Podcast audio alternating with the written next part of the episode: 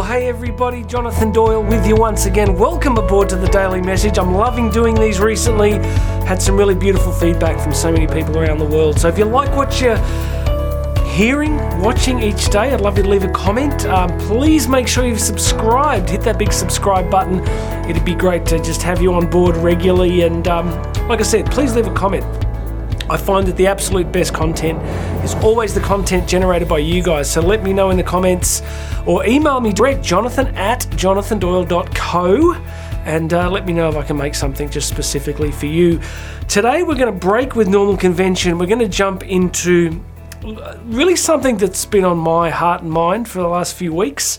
Not going to be using a quote uh, in this episode. Tomorrow I'll be back to quoting some of the great figures of history, but today I wanted to talk with you about a topic that I think shapes more of our reality, our outcomes, than almost anything else. And I want to talk to you about the concept of habits. Habits is an area of personal development that, uh, you know, a little bit like the start of Homer's great epic poem, the Iliad. It's uh, if Helen of Troy was the face that launched a thousand ships, habits is the personal development concept that has launched a thousand blogs. There is so much in the personal development space around the concepts of habits, so many great books. Before I forget, I think probably the best book recently, one of the most popular books at least, is Atomic Habits. I know some of you will have read that. So if after this video today you want to go a bit further with this whole thing, go and check out Atomic Habits. I, I think I originally did the audiobook version, but found it really good.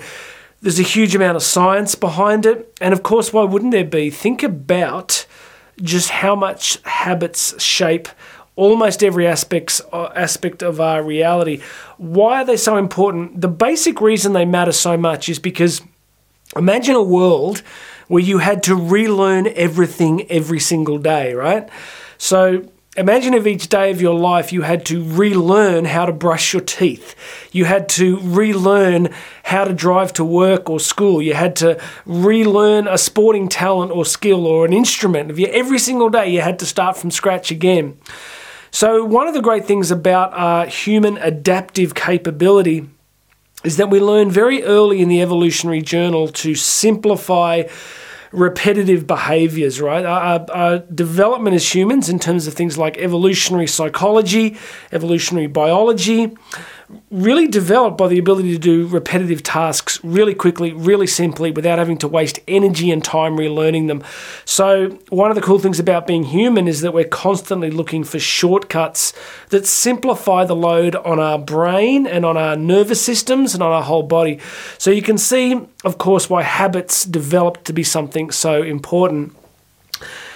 Now we get to the most important part that we can all relate to, which is, of course, what? That there are good habits and there are bad habits. How do we differentiate them? I guess I would say negative habits are anything that cause you to move backwards on your life journey. They damage health, they damage relationships, they da- damage effectiveness, they damage outcomes. Anything that stops you moving progressively towards your potential is probably a habit. Do we have to call every negative habit a bad habit? Some can be highly destructive, as you know various addictions and behaviors can be incredibly destructive to individuals, communities, relationships, families. But then all of us have got the little ones, right? We've got those little habits that just cause a bit of havoc each day, and not even dramatically, right? I mean, you'll agree, right? They, they can just be small things that hold us back. So in this episode, I don't want to talk to you about how we go about building positive habits. That's a topic for another day. A lot of people want to talk about that. How do I, I don't like exercise. How do I build a habit of exercise? We'll get to that another time. What I want to focus in this episode is something I've been observing in myself lately is how do we go after, how do we begin to shift those small negative behaviors that can hold us back? I don't mean the big dramatic things necessarily. I mean the smaller daily things that can just be time wasters, be efficiency and effectiveness wasters that can just I mean I don't know about you but it, you know I can blink sometimes and I've just wasted a bunch of time doing something. So I want to put a few thoughts in your head about the negative habits in your life. Step 1 is to identify. Step 1 is to just begin to notice. I was talking to someone yesterday about this you know, we've got to get really good at noticing when we're doing things that aren't helping us. And, and I was talking to someone about negative self talk. You know, the stuff that I teach around negative self talk is that the very first step is always recognition. The very first step is you've got to notice that it's happening, catch yourself doing it. So, with addressing negative habits, the first step is consciousness, is to identify, to kind of be conscious and awake, to just begin to go, oh, that's not helping me. Why am I doing that? Why do I always do that? Right? So, to identify what it is so once you begin that identification process, and I think it's intuitive, I think most of us naturally just know. So here, give you my example, right? I'll I'll come clean with you about the the deep, re, dark recesses of my soul. Um, I don't know if you do this, but uh, you know, news websites was a thing for me, right? Because I don't have social media. I've got I use YouTube and Rumble, and that's it. I have no social media.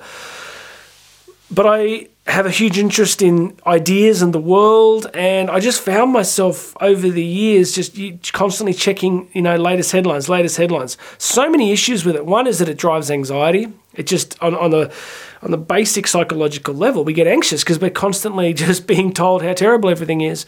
But just the distraction factor, just kind of constantly, you know, just checking in, checking in, checking in. Has the world ended? Have dinosaurs attacked?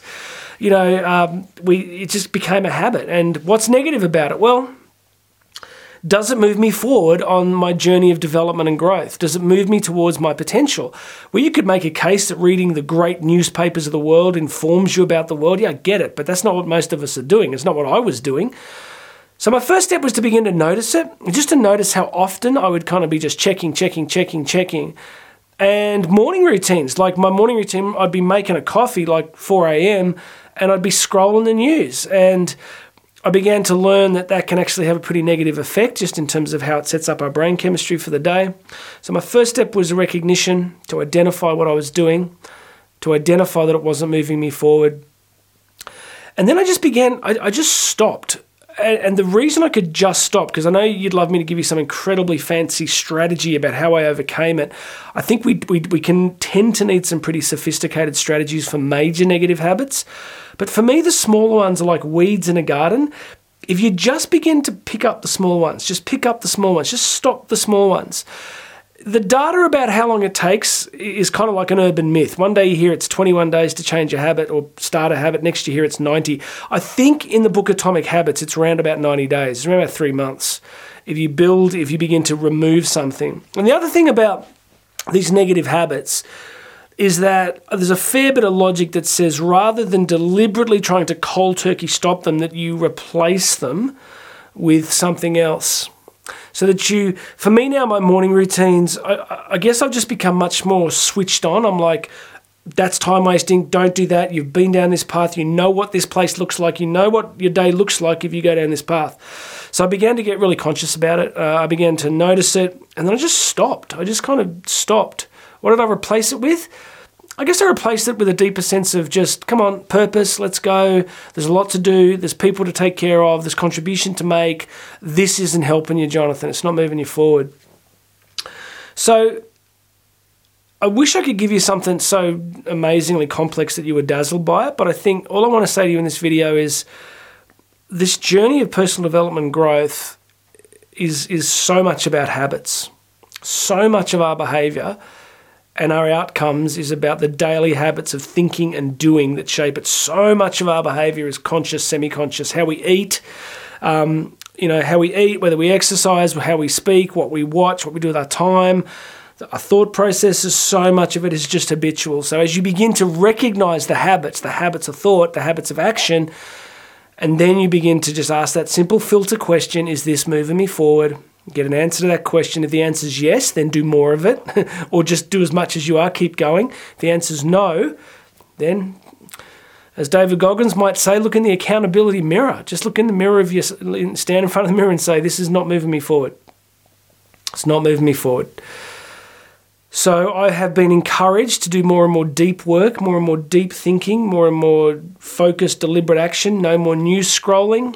So I'll check news once a day. I use an app for with pretty high quality news, and even now I'm probably going to cancel that. And I'm going to go to reading a major paper once a week, probably weekends, which is a good summary of global events.